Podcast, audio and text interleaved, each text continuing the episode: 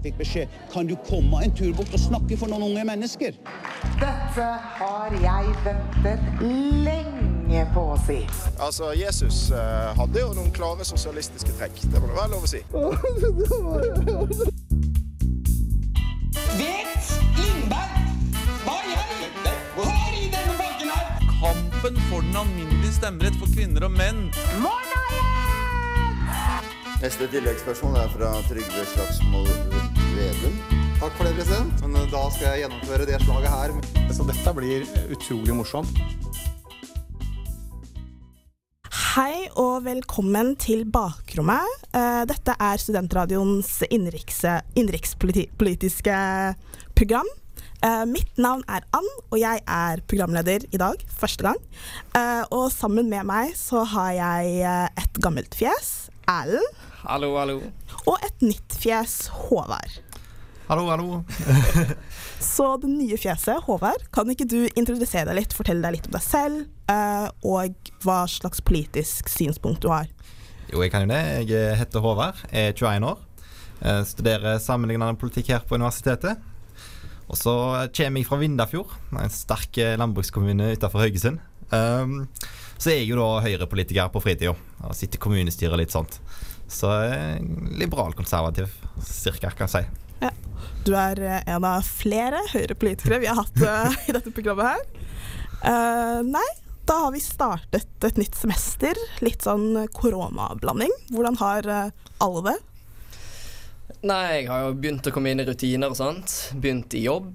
Jeg har begynt på studiet. Det var litt brutalt å begynne med å lese Immanuel Kant, men det går nå seg til. Fortsetter jo i bakrommet. Blitt programsjef. Oi, oi. Eh, Så jeg håper jo at vi får til noen gøye sendinger og noen gøye intervjuer og sånt i løpet av semesteret. Og du da, Håvard? Ja, nei, samme her. Jeg eh, kom tilbake til hverdagen. Kjenner at kalenderen begynner å fylle seg opp. Noe som jeg, jeg syns er litt kos. da Jeg har litt ting å gjøre på. Jeg Har begynt på det berykta metodefaget på Sampol. Oh. så, så, så bruker litt tid på å studere òg, da. Ja, eh, altså Jeg er et sånt mellomsted i livet mitt, jeg. er ferdig med bachelor og Har ikke noen planer. Nei, eh, vi har jo mye morsomt eller interessant vi skal snakke om. eh, og så har vi jo eh, kunnet holdt på litt i ferien. Har folk hatt liksom bra ferier utenom radioen, da? Ja, altså jeg har jo vært hjemme i Bergen hele tiden, så meg og eh, godeste Reidarsen, vi har jo laget en god del radio. så de som hører på bakrommet, de har hørt veldig mye på meg. Ja. Så har jeg har jobbet i tre uker da, og så hele juli av, så det var jo mye koselesing og persontrening trening for meg sjøl og sånt da. Så eh, slappet godt av. Jeg har, jeg har jobba eh, hjemme i Vindafjord. Eh, hørt masse på lydbok, masse sånn historiebøker og sånt eh, mens jeg har jobba. Hørt litt på podkaster og politikk og føler sånn kirka med. Men eh, stort sett sommerferie, så har vært eh, lite å finne på. Ja. Har dere fulgt med litt uh, angående norsk politikk liksom, med korona og hvordan det skal gå videre? Altså, jeg, jeg merket ganske fort i sånn mars-april at jeg ble ganske lei. Akkurat de samme koronanyhetene hele forbanna tiden. Men eh, altså, det går litt sånn i bølger. Altså, noen ganger så følger jeg med på alt som skjer, og av og til så gidder jeg ikke følge med på noe. Ja, du merker jo at det er agurksesong i norsk politikk. Det er jo gørrkjedelig, noe av det som skjer. Og så av og til skjer noe litt spennende som følger med på òg. Ja, så jeg føler, det er litt sånn Nettavisen-vibber. Ja, ja, ja. ja. Av, det er beundringsverdig hva nettavisene har som nyhetsartikler iblant. Altså det siste jeg husker, var han der eh, Jon Georg Dahl som uh, syntes det var så forferdelig at det skulle være vegetarmat Ja. på et julebord. Altså, er det en nyhet? Comeback til, til, til Kalle Hagen. Oh. Ja, ja, det, det det skjer jo bare hvert semester. Ja, nei, eh, og så har jo vært det store spørsmålet Blir det digitale forelesninger? Blir det ikke digitale forelesninger? Jeg, jeg går jo på filosofi, for de som ikke visste det, andre året. Og vi har, vi har fått sånn 50-50, da, der alle forelesninger og sånt, det skjer på nettet, og så seminarer, det skjer eh, in person, da. Og det, jeg syns det er bra kompromiss, da. For det er jo kjekt å treffe folk og faktisk ha diskusjoner. Det er veldig vanskelig å ha diskusjoner over Zoom. Ja. I hvert fall filosofiske diskusjoner. Ja, jeg, på metode så har jeg to forelesninger i uka, men bare hver fjerde forelesning har jeg lov til å komme fysisk. Så det er liksom litt vanskelig å holde styr på kalenderen liksom når man skal møte og ikke. Så det har jo hendt at jeg egentlig skulle sittet nede på, på, på forelesningssalen og så bare Å ja, nei, ja, nå satt jeg på PC-en. Ja ja, Få se det her. Ja, det blir litt sånn på universitetet nå. Uh, men altså hva, liksom, hva skal man gjøre, egentlig? Det er jo utrolig tørre hender med antibac overalt og Masse fuktighetskrem. Ja. Ja. Er, Best, best er vel bare å følge reglene, så vi slipper sånne, unngå sånne uheldige situasjoner der man plutselig må bare bli hjemme hele gjengen. ja, mange Jeg leste nettopp at Høgskolen på Vestlandet har måttet stengt ned. Ja, det var vel bare ett studie. Ja. Ja. Eh, på grunn av koronaen, så Ja, det var vel to studenter på ett studie som hadde fått påvist korona. Sju var det. Det var syv? Sju stykk. Oi, ah, ja, da Så det blir eh, absolutt spennende å se der. Eh, men nå tenker jeg at vi kan høre på en låt. Da skal vi høre på 'Run' av Joji. tror Jeg tror det uttales Joji. Ja. Så ble det ikke Joji likevel.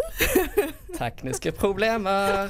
Ja, men da kan vi like godt gå over til første tema i dag. Og det er jo at eh, Abdi Raja, som er vår kulturminister, har lovet, eller ønsker, å tildele 900 millioner til kulturlivet. Og da er det idrett og det vi vanligvis vet om som kultur, musikk, konsert, kunst. Hva tenker dere om det, Håvard?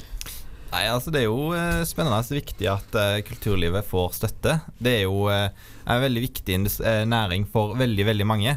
Eh, og dyrt òg. Men altså, min første tanker om det er jo at det er bra at kulturlivet òg får litt støtte oppi den situasjonen man er i. da. Ja, altså jeg er jo helt enig i at det er jo en utrolig vanskelig sektor å jobbe i nå. Både fordi det er veldig mye usikkerheter som du i det hele tatt får lov til å eh, ha arrangementer, men òg det at det er maks antall tilskuere. Og eh, når du først skal ha tilskuere, så må du ha masse tiltak. Så jeg tror at dette her er sårt tiltrengt. Ja, men hva, altså, Da har du jo sagt at de skal eh, håper å kunne dele ut 300 millioner til kultur.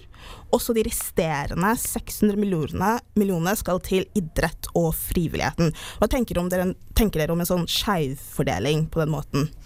Eh, hvis det er sånn at eh, kultur, eh, altså type konserter, trenger mye mer penger eller mye mindre penger enn idrett, så syns jeg det er helt riktig. Og jeg, jeg aner jo ikke hva de faktiske tallene skal være, da. Men eh, altså, det er jo Det er jo vanskelig å vite, men jeg syns det er helt riktig at kultursektoren får penger nå.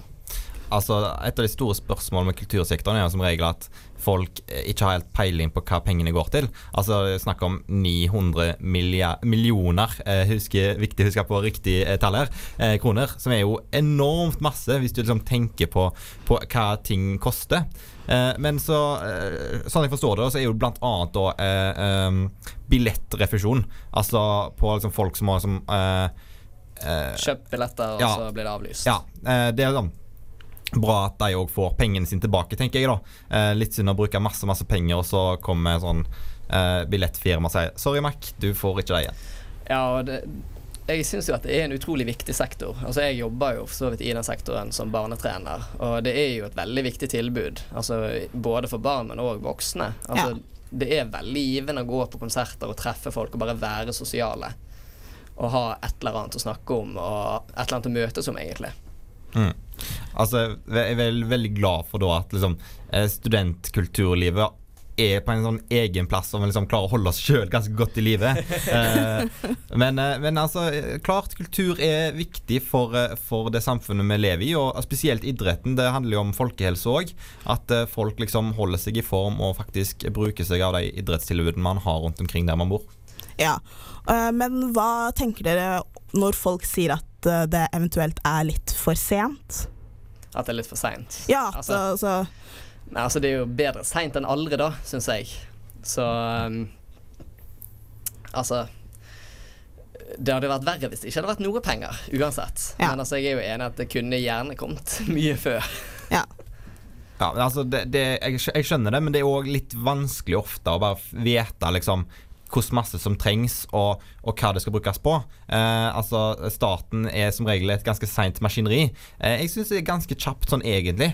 Eh, eh, og så er det sånn det kommer krisepakker tidlig eh, der man liksom ikke har helt kontroll, og så kommer det eh, mer oppfølging etter hvert. Og det føler jeg at denne pakken her eh, definitivt er. da. Eh, det er rett og slett eh, Man tar igjen det man ikke kunne ta med krisepakken helt ja, i mars-april. Ja, altså Når du er i en, midt i en globa, eller, global pandemi, altså Mm. du kan jo ikke sitte i flere måneder og bare Ja, skal, vi gi så mye penger, eller skal vi gi så mye Mm. penger, eller Altså, det går jo ikke. Så du må bare få det gjort. Mm. Men det er som vi har snakket mange ganger om i bakrommet, altså det er jo tregheten i demokratiet. At det kan jo være en utfordring når du har kriser sånn som dette. Ja.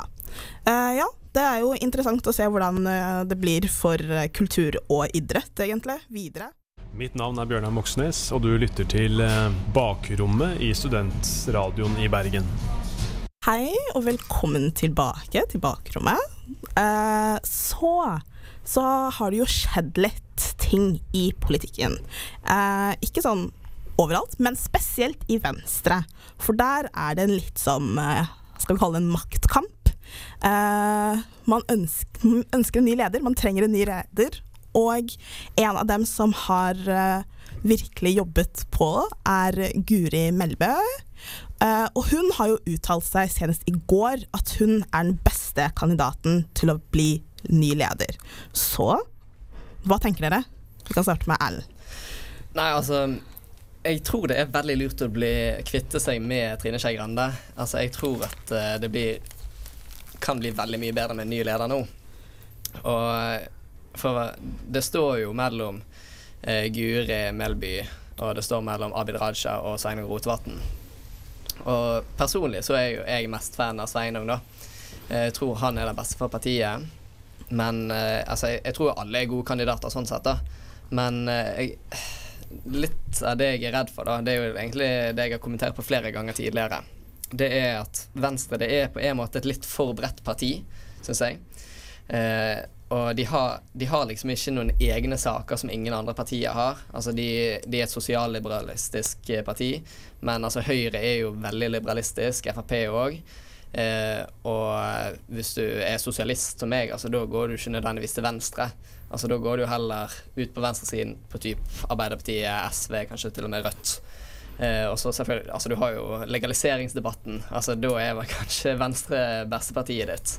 Men eh, den følelsen jeg sitter igjen med, da, det er jo at Venstre har så veldig mange forskjellige typer velgere at det er veldig vanskelig å samle velgerne sine.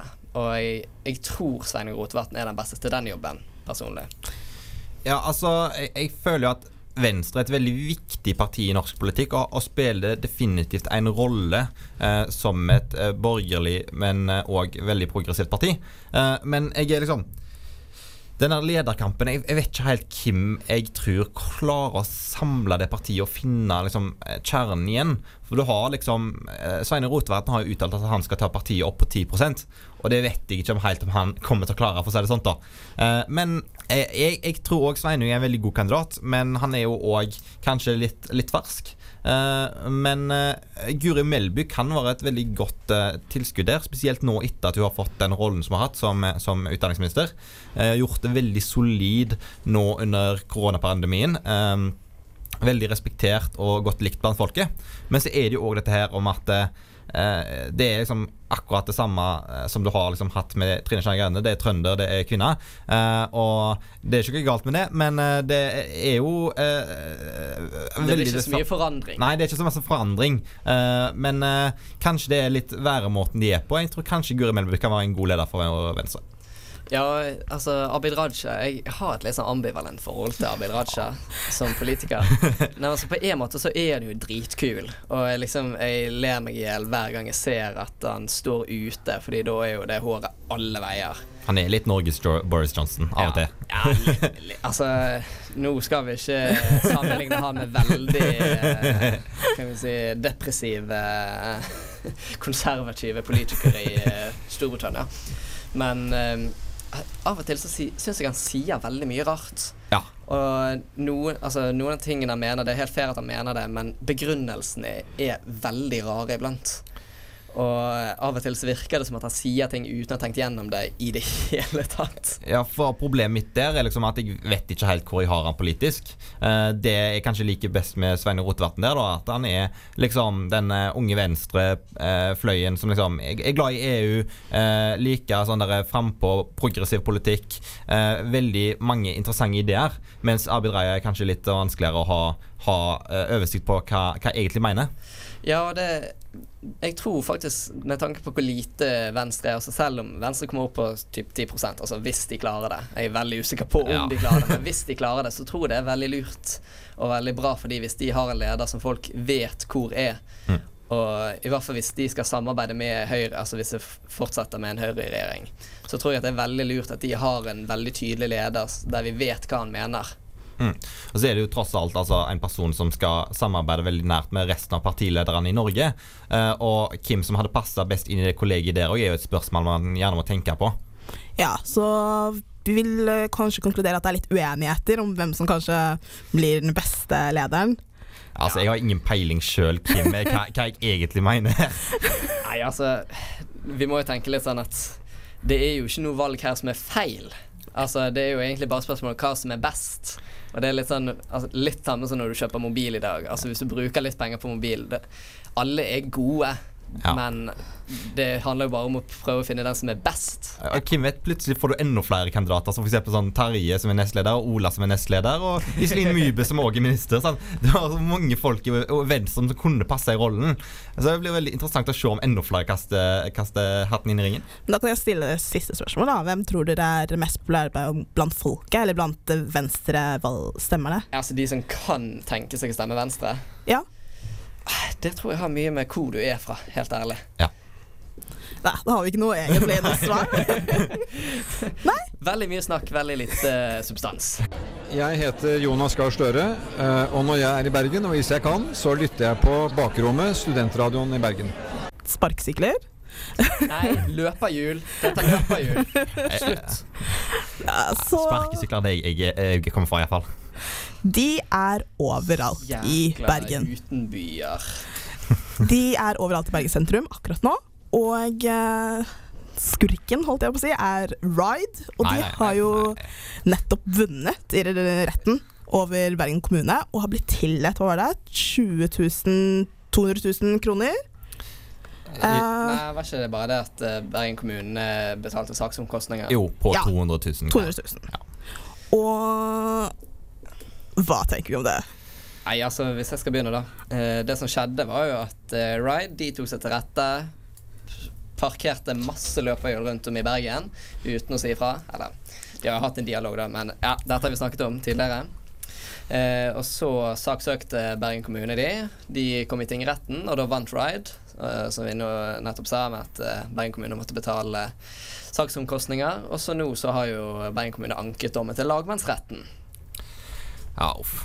Altså, jeg vil bare avklare sånn Jeg vil bare si sånn i, Akkurat i mitt, i mitt perspektiv så er det Tor Håkon Bakke som er skurken her, altså. Og, og, og byrådet i Bergen. Altså Nå begynner det å høres ut som de der gamle Nei. i kommentarfelt som bare «Åh, MDG ødelegger Norge. de, akkurat nå så er faktisk kommentarfolket er på din side i saken her, ass. Det er jo de som hater sparkesyklene mest. Jeg, jeg, jeg digger de. Jeg synes det hater jeg løpes- løperhjulet? Du, ja, Jeg vet ikke hva du Jeg, jeg vet ikke. Vet du, hva, jeg, jeg, bare, jeg bare digger elsparkesyklene. Jeg, jeg synes det er så Jeg skjønner ikke poenget med å kaste vekk masse masse penger på rettssaker som man taper. Man så at Trondheim så tapte kommunen, og Bergen så tapte kommunen. Skal vi prøve igjen? Jeg, blir litt oppgitt, altså. Å sløse så masse av offentlighetens penger på å saksøke et selskap som egentlig bidrar til masse bra i byen. Ja, altså Jeg er jo egentlig for uh, løperhjulet. Altså, jeg syns at det er en god idé, og det funker tydeligvis. Og Foreløpig så virker det som det har funket ganske greit i Bergen. Altså Det er jo dyr eh, moro, da, men allikevel. Eh, de som har lyst til å bruke penger på det, skal få lov, holdt jeg på å si. Men problemet er jo det at de bare tar seg til rette. Og at de ikke snakker nok med kommunen, altså sånn at kommunen blir sur, sur liksom. Og jeg er jo enig i at altså, det har vært litt å kaste vekk penger med å saksøke når vi ser hvordan det har gått i flere andre byer. Men så spør jeg Vi ser jo mot Oslo, hvor disse sparkesykkelmerkene har tatt over byen, omtrent. Eh, frykter ikke at det skal skje i Bergen òg? Jo, altså det er nettopp det at løpehjul i seg sjøl, det er helt greit. Men jeg syns vi skal være, passe på at det ikke blir for mye, og at det blir gjort på riktig måte. For jeg, jeg har jo sett det et par ganger, altså, nå som jeg har begynt å studere igjen, så uh, har jeg gått en del i byen, og det er veldig irriterende når de står midt over gangveien, og de bare er i veien. Altså, det er ganske irriterende. Men det er jo nettopp det at i seg sjøl så er det en helt fin idé, funker sikkert dritbra, men det må reguleres. Det må være kontroll på det. Ja, altså, jeg, jeg er enig på noen punkt og uenig på enkelte. Altså, jeg mener at Et av de fine konseptene med disse eh, elsparkesyklene er jo at du kan eh, plukke opp en og parkere den akkurat hvor du trenger å gå, eh, og hvor du er. Altså, det som er Noe av det som er mest irriterende, som er bysyklene f.eks., er at du har stasjoner der de står, og så går du til en stasjon, og så er den tom. Eh, og når du skal sykle en plass, så sykler du en plass, og så der du kommer til, så er stasjonen full. Og så må du finne en annen plass. Jeg bare liker det konseptet med at du kan bare plukke en opp og så kjøre akkurat der du vil, og så sette den der. Men folk må bli flinkere på å parkere, og det er jeg helt enig i. Uh, og jeg mener også at f.eks. politiet burde promilleteste kjørere uh, på kveldstid. Uh, og liksom gjøre sånne tiltak. Men jeg mener det å legge masse reguleringer på en næring som egentlig funker ganske fint, er ikke helt riktig å gjøre, da. Men vil det ikke være Vil du ikke si at det er Riot sitt ansvar å regulere liksom, Sånn som bysykler stenger på kveldene. Vil, er det ikke Ride sitt ansvar å gjøre det, sånn at politiet ikke må legge ressurs, ressurser i det? Både og. Hallo. Uh, hei. Ja. ja, ja, hei. Uh, nei, altså Jo, på en måte, men, men og ikke helt. Eh, fordi eh, det er jo faktisk ulovlig å, å, å kjøre i, i påvirka tilstand, f.eks. Uh, og det er jo loven. At det, folk ikke følger loven, uh, det er jo et problem. Men det er ikke akkurat Ride sin feil at det skjer. Uh, for de kunne like godt ha sykla en vanlig sykkel, eller kjørt en, privat uh, elsparkesykkel. så liksom jo, Ride kan sikkert stenge, og, kanskje de burde gjort det. Men, men poenget mitt med hele greia er at jeg blir så oppgitt av at kommunen skal bare heksejakte Sette en gang heksejakt på, på disse selskapene, som jeg mener egentlig er ganske fine å ha. Ja, altså jeg er jo enig at altså, du skal liksom ikke mobbe de. Altså, det syns jeg er feil, og, men allikevel Jeg tror mye av hatet de har fått, stort sett er i Facebook-kommentarer. Mm. Og vi er jo ikke kjent for å være veldig glad i de Facebook-kommentarfeltene i utgangspunktet. Men uh, altså, det er, det er, jo en litt vanskelig sak på en måte. Altså, fordi det er jo Jeg er jo enig i at det er jo en fin ting men allikevel så må det jo kontrolleres, og så er det jo ansvar mellom kommune og selskapet. At det er jo en, det er en balanse du må finne, da. Og jeg, jeg, tror vi klarer å finne den balansen ikke så veldig lenge, da. Ja, da avslutter vi med det. Navnet er Peter Frølik, og du lytter til Bakrommet på Studentradioen i Bergen. Og Norgesbanken, der er det litt uh, drama, om jeg kan kalle det det. Uh, Håvard, vil ikke du fortelle oss litt hva som skjer der? Jo, akkurat nå så er det jo Eller ikke akkurat nå, men, men uh, i, i, vår så ble det ansatt en ny oljefondsjef som er jo da Hagen, som de skriver om så masse Tangen! som de skriver, det er forskjellig person, men også skriver masse om han. Tangen, som de har skrevet veldig masse om i nyhetene. Eh, greia der er jo at, at eh, han eier veldig masse eh, En stor prosentandel i et eh, hedgefond eh, som driver jo og, og, handler på samme måten som oljefondet gjør i veldig mange av de samme internasjonale markedene. det at han eier en så stor del, gjør jo at de avgjørelsene hans tas er i oljefondet kan være problematisk. Eh, så, så, liksom Han har jo ikke gjort noe galt, eh, men problemet er at eh, han kan ta avgjørelser, enten med vilje eller ikke, som kan gjøre han sjøl rikere. Noe som er ganske problematisk. Ja, Så det er jo en klassisk interessekonflikt. Ja, ja, altså, ja, og så har jo noe av problemet vært da at uh, der liksom finansministeren Uh, har gått inn og vært litt kritisk til den ansettelsen. Og så har jo problematikken ligget om, uh, om det er hans plass. Uh, da snakker vi om Jan Tore Sanner. hva er det dere tenker da? Altså, jeg, jeg ser jo greia, fordi teknisk sett så eies oljefondet av Finansdepartementet, som òg jo svarer til Stortinget. Eh, men eh, det blir eh, på en måte leda av Norges Bank. Så problemet her er jo at Norges Bank sier at dette her går helt fint. Mens Finansdepartementet og Stortinget, da spesielt Stortinget, mener at dette er veldig problematisk. Så det er liksom der konflikt, konflikten ligger da, mellom de to aktørene. Ja, Et annet veldig problematisk aspekt med det er jo at eh, han her eh, Tangen han har jo investert mye penger i skatteparadiser. Eller investert har mye penger i skatteparadiser, er kanskje bedre å si. Og eh, de som har hørt på bakrommet, de vet at jeg er veldig, veldig, veldig imot skatteparadiser. Og det er jo Altså, e- eneste poenget med skatteparadiser, det er jo å slippe å betale skatt. Og jeg syns at det er Altså, det er nesten litt sånn perverst eh, med skatteparadiser. Fordi det er jo stort sett de som har mest i samfunnet, som prøver å komme seg vekk fra samfunnet og ikke betale skatten sin. Og hvis det er noen som skulle hatt penger i skatteparadiser, så er det jo liksom de som tjener minst i samfunnet. Eh, men altså, det er jo det du ser på de aller fleste undersøkelser. De som begår mest kriminalitet, da inkludert eh, kriminalitet som skatteunndragelse, det er jo de som tjener mest i, i samfunnet. Og eh, at han som er sjef for oljefondet i Norge, altså vår felles formue, gjør det, syns jeg er veldig problematisk. Og det sender ut veldig dårlige signaler. Ja, og det har jo Altså, i dag blir det skal um, Stortinget, Stortingets kontrollorgan, uh, mene Snakke om det har gått uh, Altså at ansettelsen er tilstrekkelig, at den er uh, god nok, men de ikke Men de har jo sagt at de ikke blander seg inn i ansettelsesprosessen, men at de skal sjekke at det har blitt gjort ordentlig. Eh, hva er det dere forventer kommer til å skje av det? Altså, jeg kan jo sånn eh, Det der skulle jo egentlig bestemmes klokka tre i dag. Eh, så eh, for eh, ca. det er nå 40 minutter siden. Eh, nå står det at eh, det er forsinka. Ja. Så det er litt sjokk, egentlig. Ah, er det vi som driver dette? Nei, det, det er Stortinget. Eh, og Stortinget har lov til å være litt forsinka, sånn egentlig. Men det er jo litt kjipt eh, når man eh, gjerne ønsker svar på sånne saker som dette her. Ja, altså Det syns jeg er utrolig dårlig gjort overfor Studentradioen i Bergen. De, Å jobbe gratis for å lage innhold til alle nordmenn, og så bare kommer de og fucker oss over. Det er så utrolig dårlig gjort. Og det norske folk, da, som, som eh, har en interesse i oljefondet. Ja. ja, altså det, det er Hva skal jeg si Litt av problemet her er jo at hvis han får lov til å kjøre sitt eget løp og fortsetter i jobben, og alt mulig sånn, så legitimerer du på en måte sånn oppførsel òg.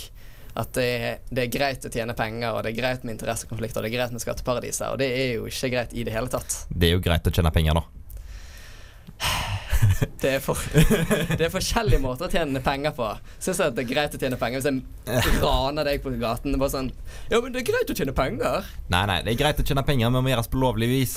Og så er, ja, så er spørsmålet, da. Er det lovlig, eller er det ulovlig, uh, at man eier eh, aksjer i et selskap som har ingenting med oljefondet å gjøre, og han er òg blindeier, jeg tror jeg.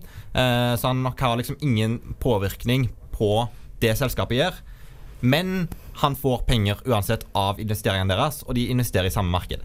Eh, det er jo det som er det store spørsmålet, om det er en inhabilitet her. Eh, og jeg, altså, jeg mener jo egentlig at det er problematisk, men eh, om det er ulovlig, det er jo det som er problemet og som avgjør her. Og egentlig tror jeg Norges Bank har rett at det ikke er ulovlig. Ja, men det er jo det som blir problemet. da Så Selv om noe er lovlig, så betyr det ikke nødvendigvis at det er rett. Altså Det kan Ja. jo være da at da er lovverket feil. Ja. Um, da blir det jo spennende. Forhåpentligvis får vi kanskje resultatet før eh, vi er ferdig med sending. uh, hvis ikke, så blir det som det blir. Mitt navn er Sveinung Rotevatn. Du lytter nå på Bakrommet på Studentradioen i Bergen. Så Erlend, hvordan har uken din vært? Den har vært innholdsrik, eh, sånn sett. Jeg har lest veldig mye rare bøker og veldig mye rare artikler. Men eh, en ting som irriterte meg veldig i går, det var at eh, jeg kom tidlig på biblioteket, eh, litt etter at jeg åpnet, fordi jeg skulle lese. Eh, fordi jeg hadde kollokviegruppe, og jeg hadde ikke fått lest det jeg skulle lese til det. Og så gikk jeg og skulle printe ut artikkelen. Skannet kortet mitt på printeren, og da logget jeg meg inn på en annen sin konto. Det var Jeg heter Erlend Haukland Moe. Jeg heter ikke June. Og jeg spurte han der IT-assistenten, og så trodde han ikke på meg. Så viste jeg han, og bare Ja, det har ikke jeg sett før. Og jeg bare Ja, det er ikke betryggende for meg. Han sendte meg bort på kortsenteret. Der sto jeg i kø en god stund. Ventet på å få hjelp. Og så eh, kom de og bare Ja, det kan ikke vi hjelpe deg med. Du må ned på IT-senteret. Jeg bare ja, nice. Så jeg gikk ned til eh, de, og eh, der prøvde jeg masse forskjellig. Så vi køa litt og prøvde forskjellige printere og prøvde å nullstille forskjellige greier her og der. Og så til slutt så ga han bare opp. Ja, jeg bare sender mail til en eller annen fyr som jeg aldri har møtt, liksom. Eh, og så fiksa han det. Jeg har ennå ikke prøvd det, da. Det skal være fikset nå, men jeg har ikke prøvd. Så det blir veldig spennende å se om jeg får printet ut noe dette semesteret. Ja, jeg bare skulle si at det var altså, rare greier, altså. Ja, altså, det har ikke vært et problem før. Altså, det, først nå det har vært et problem. Jeg printet masse i fjor, liksom. Nå så bare Nei! Hei, June. Fuck you. Altså, jeg, jeg føler jo at altså, jeg- krig, den evige krigen med printerne er så sjukt studentproblem at det faktisk helt. Altså, det er uansett Før eller senere så må du støtte på et printerproblem. Uh, og de printersystemet til UiB Åh, Det er så pain in the ass av og til, ass. Altså, det, det, er sånn, det er dritbra når det fungerer. Altså Det er kjempebra, det er dritraskt og alt sånn kjempeenkelt. Men når det først går til helvete, da går det skikkelig til helvete. Jeg har jo gjort en uh, studentfeil da, første året mitt. Legger inn 20 kroner, ikke sant? Får jo aldri brukt alle disse 20 kronene. Får du ikke? Nei, Jeg printer brukt- ikke så mye. Jeg har brukt minst 100 kroner. Åh, jeg, bruk, jeg printer ikke så mye. Hva var det du studerte, da? Eh, administrasjon og organisasjonsvitenskap, eller Admorg, som vi kaller det. Ja. Er det mye sånne artikler dere skal lese, da? Eller det mest Ja, bøker? men jeg leser dem på nettet. Ah, jeg, jeg kan ikke fordra det. Altså, jeg må ha ting på papir for å klare å lese det skikkelig. Det, men altså, det er sånn filosofistudie, det er litt bøker Eller det er mye bøker, men det er også sinnssykt mye artikler. Den litteraturlisten er jo evig lang. Ja, men da kan jeg spørre deg, Håvard. Uken din. Eller livet ditt, egentlig. De Nei, det starta da en dag 25. juli. Nei da. Eh, 1999. ja. Nei, uka mi har vært eh, veldig gøy. Eh, begynte jo som sagt her i Studentradioen eh, på tirsdag som var. Uh, eh, veldig eh, gira på dette. Altså, jeg jeg syns det har vært skikkelig trivelig å sitte her i dag altså, og jazze litt politikk. Eh, Det er jo noe som jeg eh, generelt synes er veldig gøy. Det har vært veldig hyggelig å ha deg her. Ja, takk. Jeg ser frem til å fortsette å være her eh, resten av semesteret, da. Ja. Nei, skal jeg si litt meg, da? Nei, det har gått greit. Har en eh, evig skade av en sånn forstuelse jeg hadde denne sommeren. Og kjenner litt på den ennå. Men eh, kan gå. Eh, Yes. så må ikke bruke krykker. Der, eh, da funker jo alt, ikke sant? Ja, altså, da får du mye sympati, da. Ja. Men du kan kjøre elsparkesykkel. Nei, åh. Jeg, bare flekk på deg en eller annen støttebandasje. Finn noen krykker, så kommer du frem først alt der du vil. Nei, jeg hatet krykker. Og jeg var jo på hos legevakten, og det er jo sånn koronatiltaker der. Ja, noe, Ja, det er det jo. Ja, noe av det mest slitsomme jeg har vært med på i hele mitt liv, liksom. Så mye styr. Ja, eh, jeg jobber jo som trener, og på det der sommergreiene vi hadde, da var jo ungene der fra åtte til tre hver dag. Eh, og så har vi fått sånne eh, desinfeksjonsvæsker, sånn som eh, Altså, barna skal jo vaske seg på hendene så mye som mulig, men når de ikke har mulighet til det, så skal de få det Ja. på hendene sine. Men de kommer i sånne små drikkeflasker med sånn der eh, tut som du skal drikke fra. Nei. Det sånn, første dagen så var det bare sånn Dette er desinfeksjonsmiddel. Ingen skal drikke dette. Det er veldig, veldig viktig. Det var en som drakk det, ikke sant? Heldigvis ikke. Eller ikke som jeg vet. Altså, det kan være det som kreperte som vi ikke fikk høre noe fra, men eh, Ja, for det er, vel, det er litt livsfarlig hvis man drikker. ja, det var, det var verre når vi startet opp igjen rett før sommerferien med de aller minste som var sånn tre år. Altså, for da, da var det veldig viktig at dette her er desinfeksjon. Og det sa vi hver eneste dag det var trening. Da, dette her skal vi kun ha på hendene. Og da måtte jeg si det til foreldrene òg. Bare sånn just in case. Ja, nei, men Jeg har to tvillingsøstre og søsken som er på fire, fire år, og de har jo blitt fryktelig flinke til å vaske hendene. De shamer meg. Ja. uh, så Unge lærer. Ja, heldigvis. Ja, ja, så det, det, vi skal se på det positive med en global pandemi. Det er jo visse ting som f.eks. det å ha antibac stående rundt om alle mulige steder. Bruke munnbind når du er syk. Altså det helt supert. Det håper jeg vi fortsetter med. For det er noe jeg har tenkt på, spesielt dette med munnbind når du f.eks. er litt forkjølet. Altså det har de gjort i Asia lenge nå. Mm. Jeg, synes, jeg skjønner ikke hvorfor vi ikke har begynt med det før. Ja, Men det er jævlig ubehagelig på. Hater det. Syns du at det er så jævlig? Ja, jeg syns egentlig det. Ja, dere er unge høyre tåler unna det. Ok, Men eh, da har eh, vi vært eh, bakrommet, og med meg har jeg hatt uh... Erlend Haukland. Håvard Ørtveit. Og mitt navn er Annon Peraro, og takk for oss.